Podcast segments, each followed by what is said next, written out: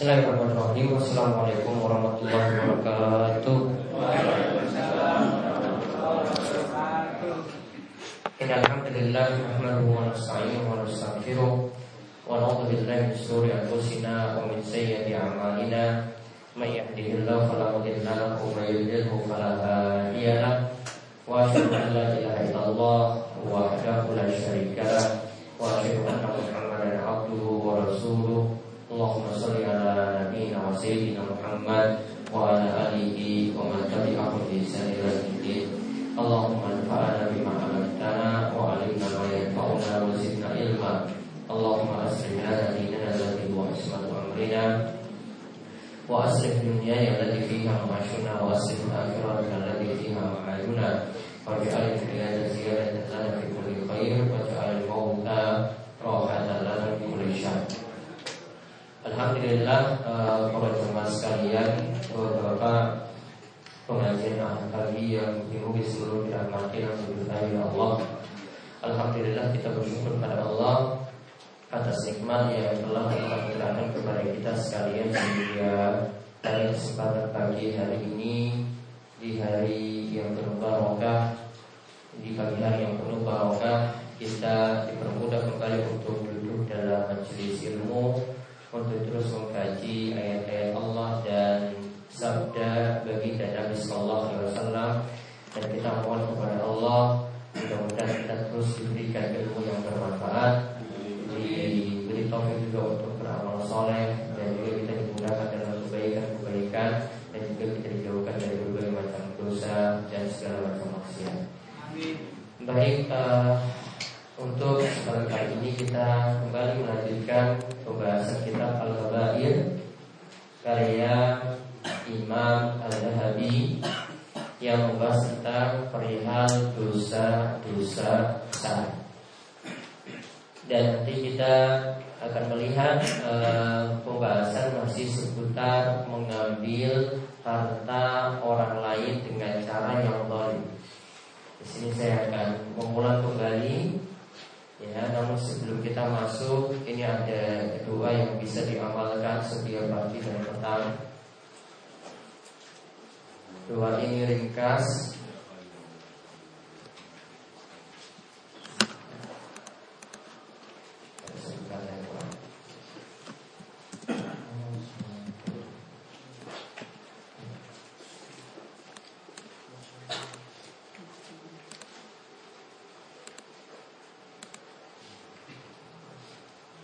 Ya Hayyu Ya Qayyum Birahmatika astaghith Wa aslih li sya'ni kullahu Wa la takilni ila nafsi Tarfata ainin abadan. Ini hadis yang sahih. Ya Allah yang maha hidup lagi maha kekal Dengan rahmatmu Aku meminta pertolongan padamu perbaikilah segala urusanku. Jadi di inti doanya itu mulai dari situ, perbaikilah segala urusanku dan janganlah engkau sadarkan pada diriku urusan tersebut walau sekejap mata selamanya. Dalam riwayat uh, ada kata abadan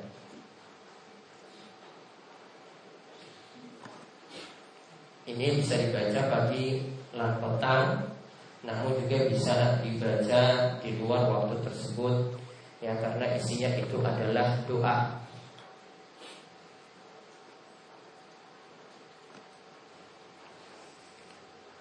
Astagis itu artinya istighosah. Kita meminta pertolongan pada Allah ketika dapat musibah.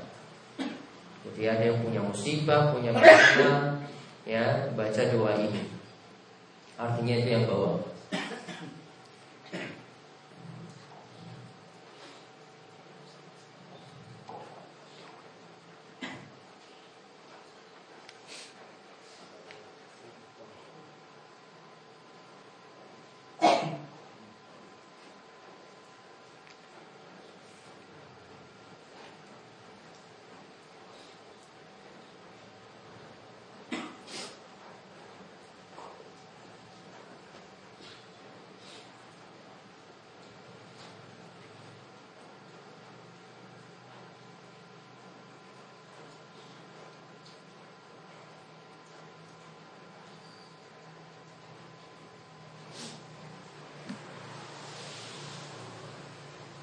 I'm going?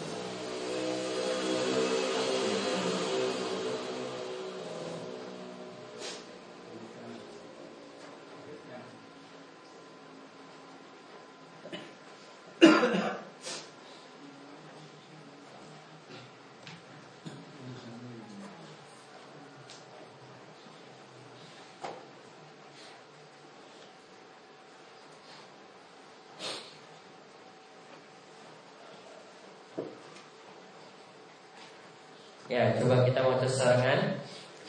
Ya Hayyu Ya Qayyum bi rahmatika astaghits wa aslih li sya'ni kullahu wa la takilni ila nafsi tarfata ainin abadan. Ya, diulang lagi.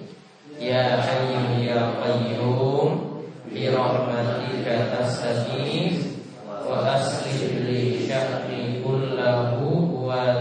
takilni ila Ya Allah yang maha hidup lagi maha kekal dengan rahmatmu, rahmatmu. Jadi pertama kali kita itu bertawasul dengan nama-nama Allah. Dengan rahmatmu, aku meminta pertolongan padamu, yaitu saat mendapatkan musibah. Perbaikilah segala urusanku dan janganlah engkau sandarkan urusan tersebut pada diriku walaupun pada diriku selamanya walaupun sekejap mata. Nah ini doa ini akan membantu Allah memudahkan setiap urusan kita dan mengangkat segala kesulitan yang ada. Baik kita lihat kemarin orang yang terkena hukum pidana. Ini sambung ya. Ada dua hukum pidana itu barulah dikenakan pada orang yang balik dewasa dan yang kedua tahu akan keharaman. Yang menjalankan hukum pidana imam atau majikan dari budak. Ya, ini juga sudah kita lihat. Terus kemarin hukum pidana zina. Zina ini termasuk dosa besar. Dan ini hubungan intinya dilakukan di kubul atau di dubur lewat jalan depan atau jalan belakang. Pokoknya bertemu dua kemaluan yang kemarin uh, saya misalkan seperti uh, timba yang jatuh dalam sumur itu sudah disebut berzina. Kemudian penerapan hukum zina ini nanti dibedakan untuk orang yang musim yang sudah menikah dan melakukan hubungan intim. Maka yang melakukan zina itu sama-sama rakyat merdeka dan sudah terbebani syariat, maka hukumannya rajam sampai mati, lempar batu sampai mati. Namun kalau ghairu muhsin artinya yang masih gadis atau anak kecil maka dikenai hukuman cambuk sebanyak 100 kali dan diasingkan dari negerinya selama setahun atau di penjara. Ini syaratnya hukuman zina itu ada kalau ada berapa saksi kemarin? Empat. Empat atau empat kali melihat. Disaksikan sebanyak empat kali atau dilihat oleh empat orang saksi yang adil. Ingat istilah adil di sini bukan adil, namun bukan orang yang fasik. Fasik itu ya, berasal dari kata khuruj, artinya keluar dari ketaatan, artinya suka maksiat. Jadi orang yang melihat ini benar-benar orang yang soleh yang bukan orang yang suka bermaksiat. Maka Allah katakan tentang orang yang berzina azaniyatu wazani fajridu kulla wahidin minhuma mi'ata Untuk wanita yang berzina dan laki-laki yang berzina hendaklah merajam, hendaklah uh, menghukum cambuk keduanya sebanyak 100 kali cambukan, 100 kali derah. Adapun kalau menuduh ya menuduh orang lain berzina tidak bisa bawakan bukti, tidak bisa bawakan saksi, maka nanti kena 80 kali cambukan. Maka jika namun jika wanita nakal itu dituduh ini wanita yang pelacur itu dituduh berzina maka cuma kena hukuman takzir teguran saja tanpa ada hukuman pidana atau kafar maka dibedakan untuk wanita tadi yang baik-baik ya dengan wanita yang biasa melacur. Maka kalau yang melacur itu dituduh berzina, hukumannya berbeda. Karena dia sudah pantas dituduh seperti itu namun tidak ada bukti. Nah, ini yang ingin saya ulang hukuman bagi pencuri. Kalau terapkan hukum Islam, ingat pengertian mencuri atau mencopet ini sama dengan sarikoh diistilahkan dengan sarikoh itu adalah mengambil harta orang lain. Namun dengan catatan yang berharga. Ya, harta orang lain yang berharga untuk dimiliki.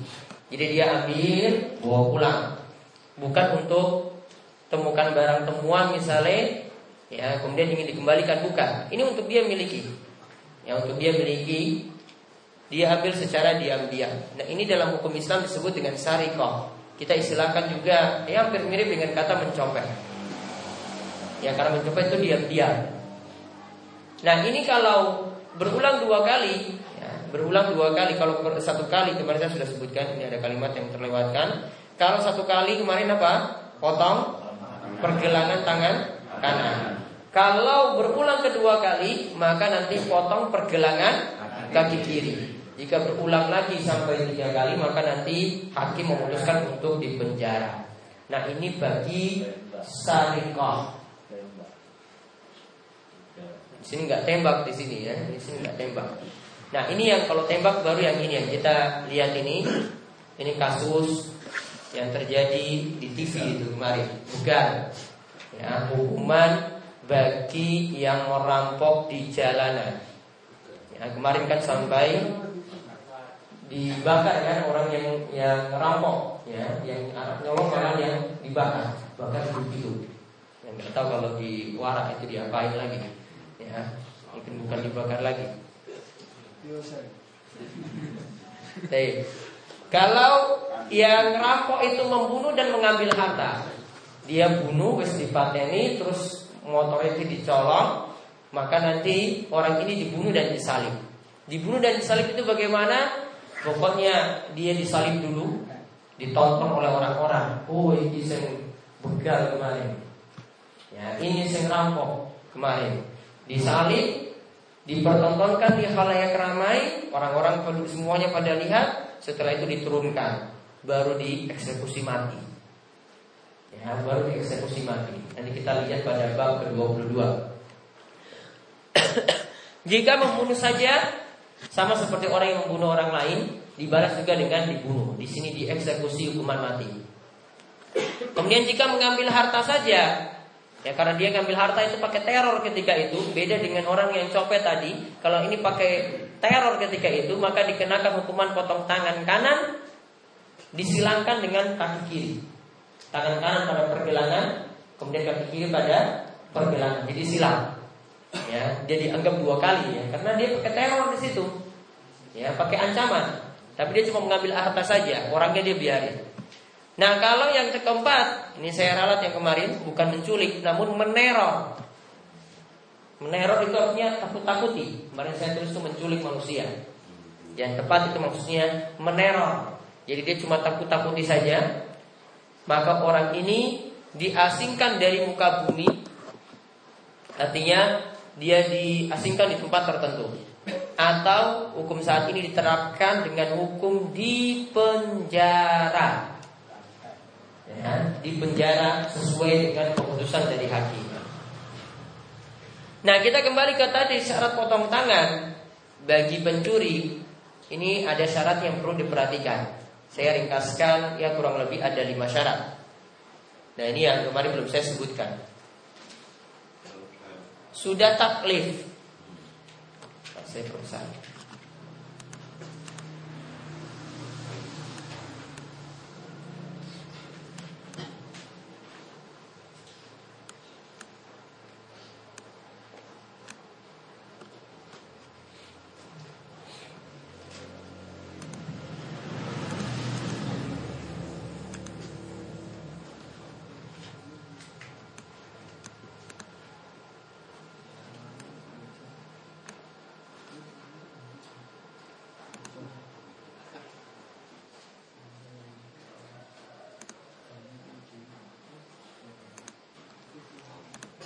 Yang pertama, yang mencuri itu sudah taklif, berakal dan balik.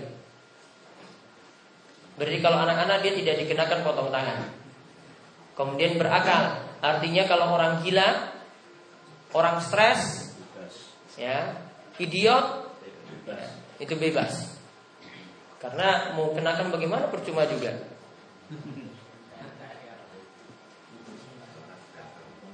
Kemudian yang kedua, mencurinya bukan karena darurat atau butuh.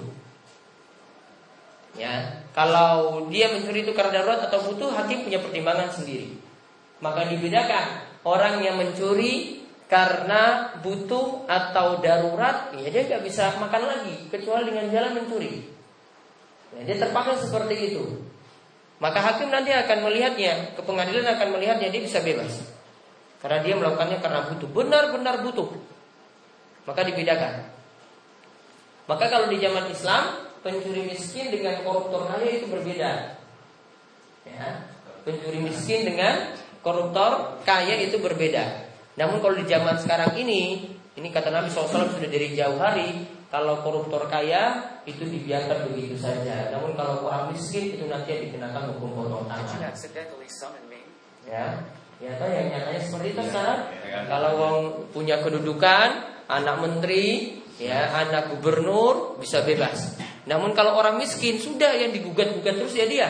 Padahal cuma colong jambu misalnya, ya itu disidang, ya kemudian diberikan hukuman berat, dikena denda sekian. Ya. Bahkan orang kaya yang nuntut lagi seperti itu, nggak tahu ya ini padahal dalam keadaan butuh. Jadi ini berbeda pada hukum Islam itu berbeda. Mencari mereka itu mencari hukum yang adil. Dalam hukum Islam itu memberikan hukum yang adil. Kemudian yang ketiga, mencurinya dengan maksud memiliki. Jadi bukan maksudnya untuk kembalikan barang tadi. Kalau dia ketemukan barang orang kemudian ingin kembalikan itu bukan namanya mencuri. Jadi tergantung niatnya di sini. Dia apa maksudnya mencuri? Apakah dia ambil barang orang kemudian dijual lagi? Ya, apakah dia ambil barang orang kemudian dia miliki sendiri, dia pakai sendiri? Nah, ini berbeda. Kemudian yang keempat, bukan antara bapak dan anak. Misalnya bapak ambil harta anaknya, diam-diam, ya. Anaknya punya 100 ribu, dia ambil. Boleh atau tidak? Ya, asal dia tidak minta izin. Ya, asalnya tidak minta izin. Namun Nabi SAW katakan, anta wa maluka li abi. Engkau dan hartamu itu adalah milik bapakmu. Di sini bukan diartikan milik, artinya boleh diambil oleh bapakmu. Dikatakan pembolehan, bukan bapak itu miliki. Kalau kita punya mobil, wah itu jadi milik bapak juga, bukan. Namun yang dimaksudkan sini, kalau bapaknya tadi ambil, itu bagian darinya. Jadi sah-sah saja dia ambil. Ya, kalau selama kita tidak tidak rugi, ya cuma ambil 50 ribu apa sih itu ini ruginya? cuma ambil 10 ribu misalnya, tidak ada ruginya juga. Ya, namun bagusnya minta izin. Namun kalau di sini antara bapak dan anak tidak kena hukuman potong tangan. Sebaliknya, anak nyolong duitnya bapak. Ya, anak nyolong duitnya bapak. Kira-kira boleh nggak? Ya jelas nggak boleh. Ya, namun kalau ini terjadi antara anak dan bapak, anak nyolong duitnya bapak, dia tidak kena hukuman potong tangan. Ya, dia tidak kena hukuman potong tangan. Bapak nggak bisa nuntut juga, wah anak saya nyolong. Gimana mau nyolong anak bapak nyolong gitu, anak nggak bisa dilaporkan ke polisi. Ya. Kemudian yang terakhir, barang yang dicuri itu barang berharga. Jadi bukan barang biasa-biasa. Ya, bukan duit seribu. Oh, duit seribu tidak benar. Walaupun itu nyuri. Ya. Namun nanti dia lepas dari hukum potong tangan. Yang kita bahas ini hukum potong tangan.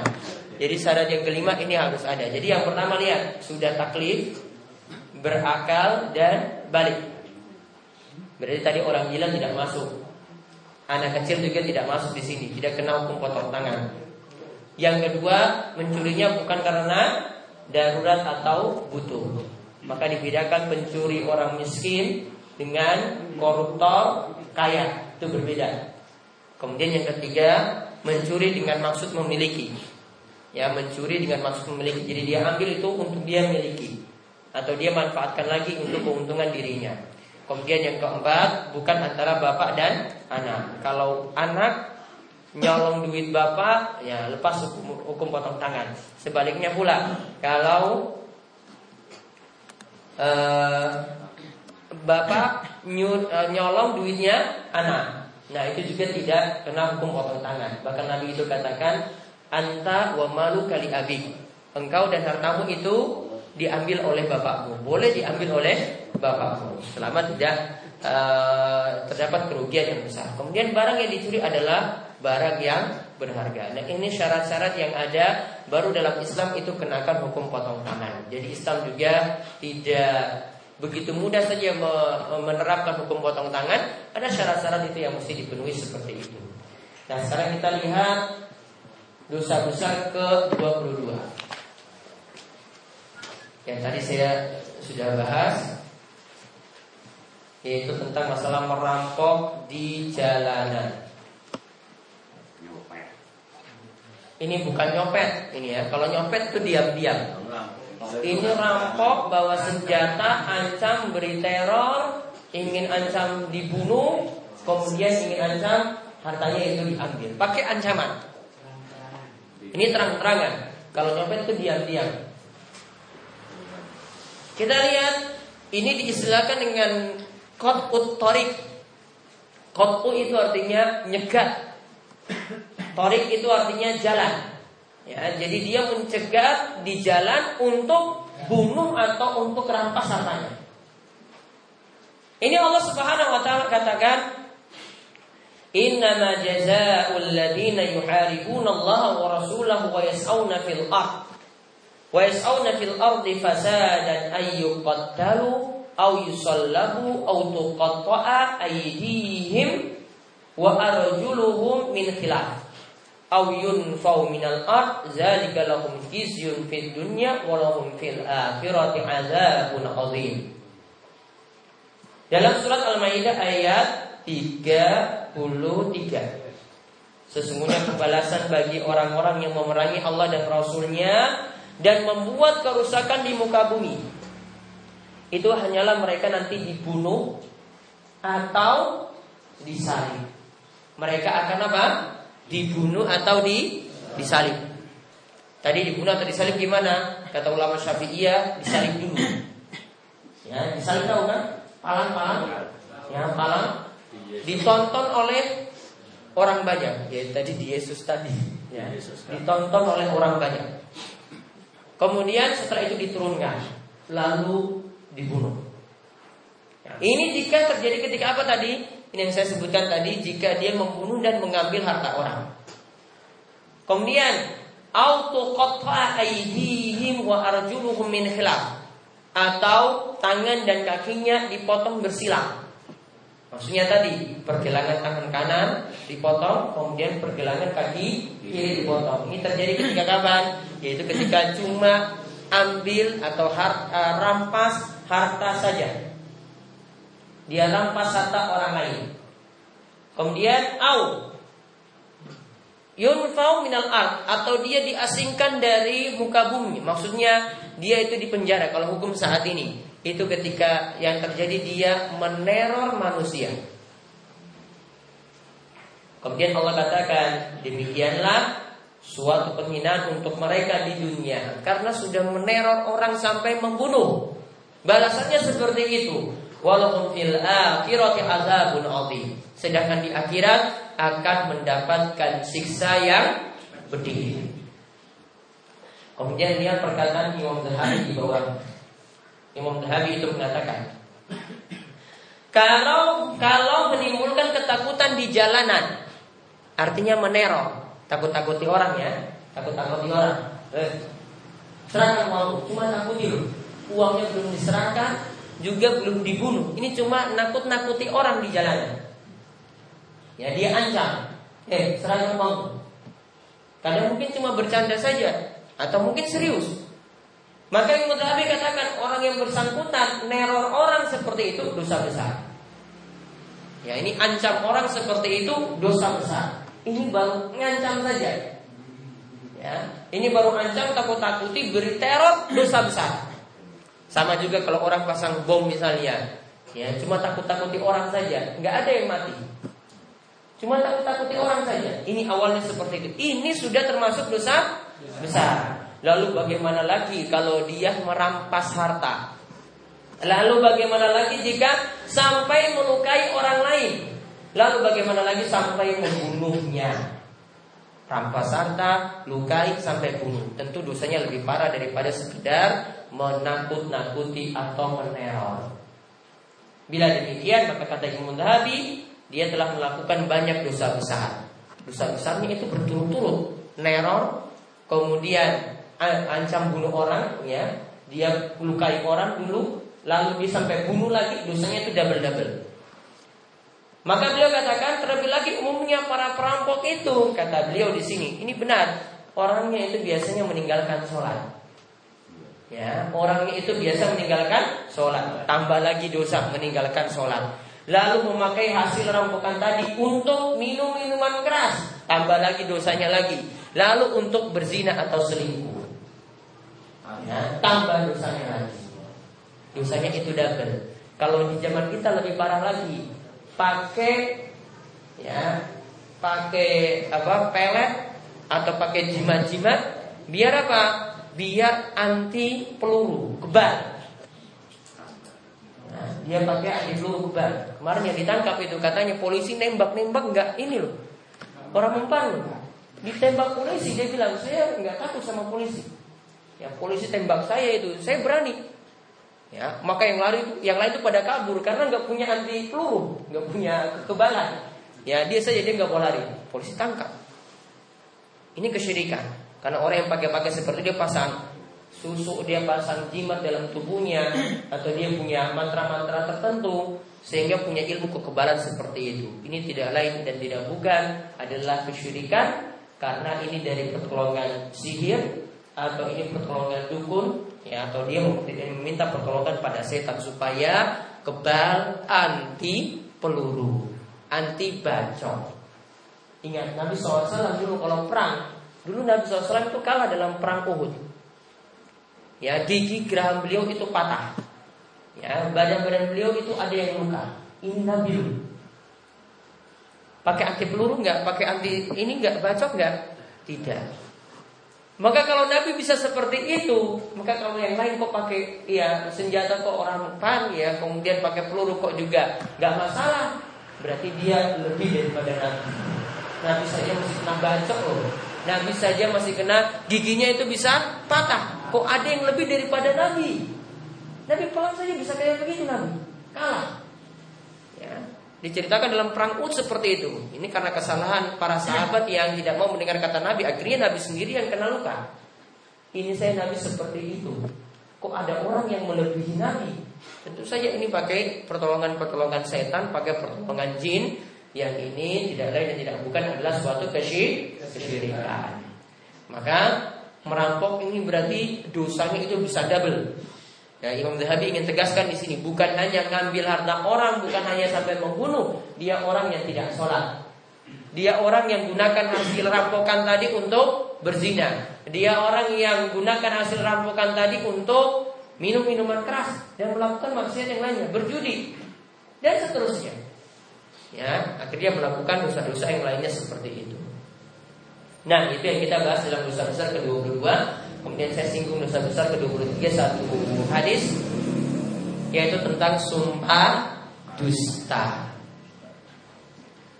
Ini biasanya ada ketika ada yang berdagang misalnya jual beli. Dia katakan bawa-bawa nama Allah demi Allah, ya saya demi Allah atau dia katakan biar bisa bergeledek. Ya, dia berani, ya, berani seperti itu, Pak ya demi Allah. Ini modalnya cuma 100 ribu. Ini modalnya 100 ribu. Ya kalau saya bohong biar saya nanti bisa bergeledek ya, pakai demi Allah gitu dua ya siapa nanti benar setelah itu ya karena bohong langsung geledek langsung datang. Ya. ini dia bersumpah supaya jualannya itu laku. Maka dia melakukan kalau ini pakai sumpah selain Allah kesyirikan. Dan kalau dia bawa nama Allah berdosa kena dosa besar yang disebutkan dalam pembahasan ini. Yaitu dari Abdullah bin Amr ia berkata dari Nabi SAW beliau bersabda al kabairu yang termasuk dosa besar al billah berbuat syirik kepada Allah wa walidain dan yang kedua durhaka pada orang tua kemudian wa nafsi Kemudian yang ketiga membunuh orang lain. Kemudian yang keempat wal yaminul gomus. Sumpah dusta. Lalu Imam Zahabi mengatakan sumpah dusta ini adalah sumpah yang dilakukan dengan sengaja berdusta di dalamnya. Dinamakan gomus yang bermakna tercebur. Ini karena orang yang bersumpah palsu tersebut tercebur di dalam dosa. Dia bersumpah ditambah dengan dosa. Makanya disebut dengan al-yaminul ghamus. Intinya ini termasuk dosa besar. Nanti insya Allah penjelasannya nanti akan kita bahas pada pertemuan berikutnya. Ya, sebelum kami tutup ada pertanyaan? Ya. Assalamualaikum warahmatullahi wabarakatuh. Waalaikumsalam.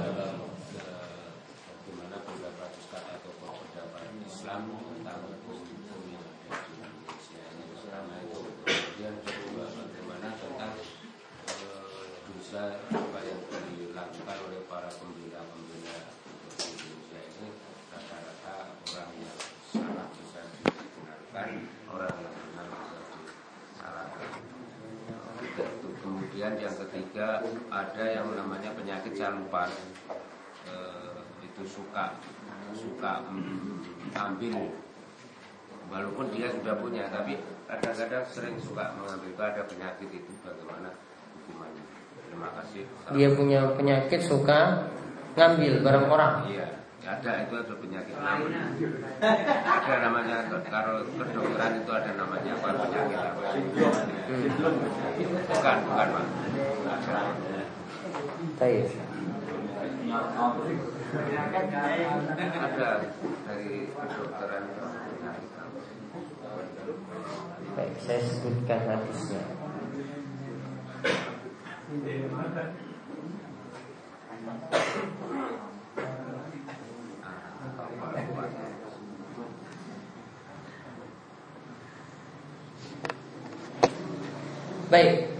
uh, yang pertama tadi bagaimana dengan hukum yang digunakan di negeri kita.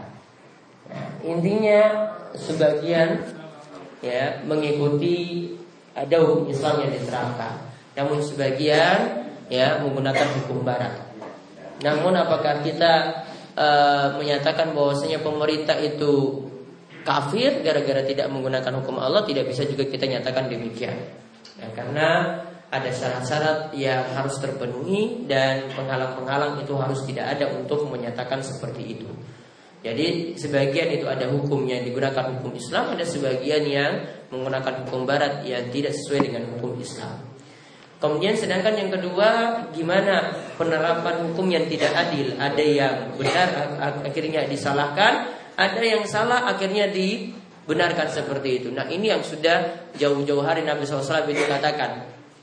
Jadi pernah ada seorang wanita di masa Nabi SAW itu kena hukuman had, kena hukuman potong tangan, dan dia belum menikah. Kemudian Nabi SAW itu katakan sebelumnya, kalau untuk orang-orang kaya, ini biasanya kalau kalian itu membiarkan orang itu begitu saja, taruh Kalian membiarkan dia begitu saja. Namun kalau orang-orang miskin, orang-orang yang lemah, kalian kenakan hukum tangan kepada kepada mereka. Dikenakan hukum tangan kepada orang-orang miskin seperti itu. Dan Nabi SAW itu menyebutkan bahwasanya inilah yang menyebabkan ahlakal lazina mangkana qablakum. Inilah yang menyebabkan orang-orang sebelum kalian itu binasa. Jadi ini sudah diterapkan dulu lama. Yang benar bisa jadi keliru gara-gara dia punya kedudukan. Yang keliru akhirnya ditambah lagi hukumannya lebih berat. Padahal sebenarnya dia bisa dapat keringanan. Ya maka ini sudah jauh-jauh hari Nabi SAW itu ingatkan ini yang buat umat-umat sebelum kita itu binasa karena tidak adanya keadilan di tengah-tengah mereka. Kemudian yang ketiga tadi kalau punya penyakit kleptominia kalau nggak salah. Ya, suka nyolong seperti itu. Mungkin dia bisa lepas dari hukum potong tangan. Kalau hakim melihat dia punya penyakit semacam tadi. Nah ini kelainan seperti ini nanti mungkin psikiater yang nanti akan mengobati ya ada psikiater sendiri namun dia ya karena taklifnya tadi bisa jadi cacat ya maka dia tidak kena hukum potong tangan seperti itu. Namun anak seperti itu ada solusi-solusi yang mungkin diberikan mungkin ahli psikologi psikiater yang nanti akan berusaha untuk mengobatinya. Ada lagi yang lain? Ya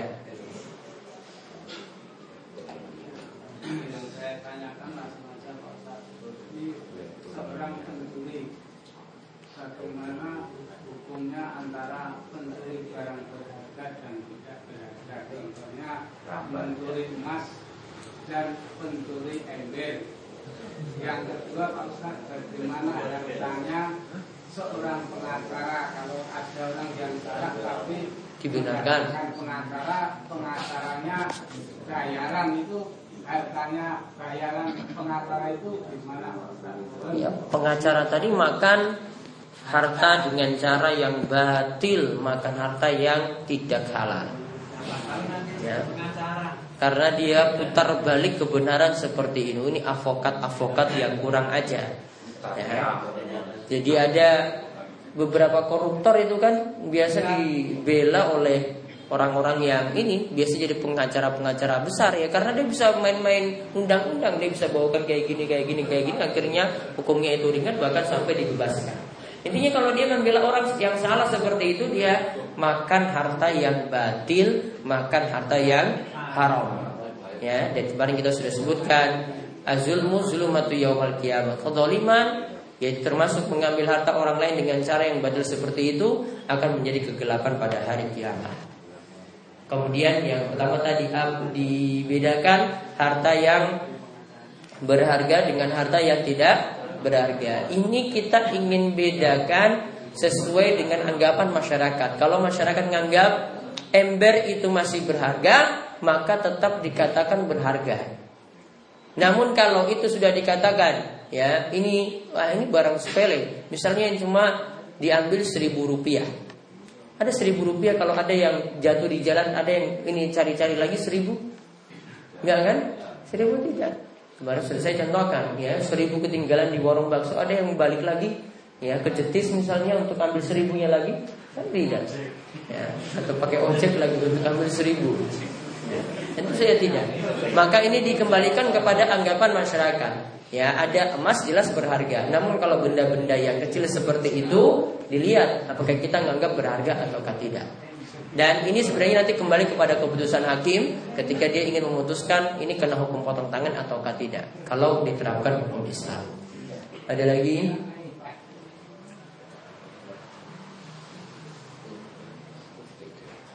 Pak Warno? Menemukan uang Ustaz. menemukan uang berapa? Dia- Diam-diam biasa. Diam-diam dia di komentar. Kayak saya nemu.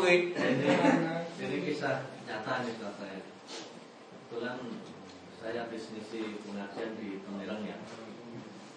Waktu itu jam 10 jam pulang saya, saya itu menemukan uang eh, 102 ribu. Masih sedikit itu ya. Ya, Terus itu pada pengajian berikutnya tak kasihkan sama untuk beli snack. Itu gimana? Nah, kembalikan. Iya berarti jenengan eh, bersedekah atas nama uang itu. Ya, bagusnya atas namakan orang yang punya uang. Kalau nggak tahu namanya sudah hamba Allah yang punya uang ini. Hamba Allah. Itu masih sedikit. Waktu itu saya pernah ketemu di jalan Kecer itu sekitar 400 ribu. Di jalan. Pokoknya kerambil sawit ke sana gitu. Waktu itu belum diaspal ya. Sudah lewat mobil sudah lewat. Ih, apa lembaran itu? Berhenti berhenti berhenti. Saya turun ambil uangnya. Ya. Turun terus saya bagi lagi. Setelah itu pas pulang saya bagi-bagi pada orang yang butuh di sini. Atas namakan orang yang punya Ya, 400 sekian gitu. Ya. Dalam buntelan ini dalam ikatan gitu saya ambil daripada orang lewat nanti manfaatkan untuk yang tidak benar kan sudah ambil sedekahkan atas nama dia. Yang punya uang tersebut. Hamba Allah yang punya uang. Itu boleh. Namun kalau ini harta curian ya kalau harta curian nah ini beda. Gimana kalau orang tobat di sini ya? Sedangkan yang punya itu tidak diketahui. Atau dia cari-cari tidak tahu lagi di mana. Ya dulu pernah nyolong ya orangnya mungkin kita tidak tahu atau kita tidak tahu sekarang itu ada di mana maka harta tadi intinya tetap harus dikembalikan. Namun kalau sulit untuk dikembalikan maka dia harus bersedekah atas nama orang yang punya barang tadi atau ya hamba Allah yang punya barang ini. Karena itu masih barang miliknya. Jadi tetap ada kewajiban untuk mengembalikan tidak boleh dimanfaatkan Ya itu saja yang kita bahas untuk kesempatan kali ini mudah-mudahan bermanfaat. Ya mudah-mudahan Allah Subhanahu wa taala memberikan kita taufik dalam ilmu dan amal dan terus memudahkan kita dalam kebaikan. Kemudian eh, nanti Bapak-bapak yang belum punya eh, maaf yang belum daftarkan nomor SMS tolong didaftarkan G. Nanti biar yang ada informasi ya, ada kajian atau tidak atau mungkin ada info apa, ada SMS tausiah nanti biar didata. Ya, itu saja nanti yang belum nanti e, bisa hubungi Mas Jarod untuk dicatat nomor HP-nya. Ya, untuk dicatat nomor HP-nya. Ya, ini kemauan kita tutup kalian doa kafaratul majelis. Subhanakallahumma bihamdika asyhadu an la ilaha illa anta astaghfiruka wa atubu ilaik. Assalamualaikum warahmatullahi wabarakatuh.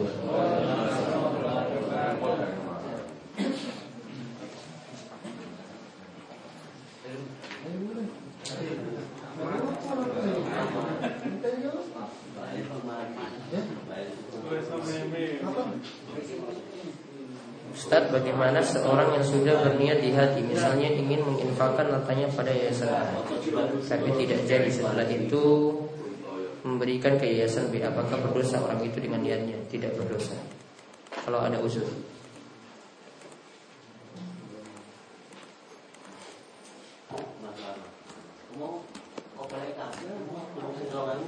Ya mungkin bisa sarapan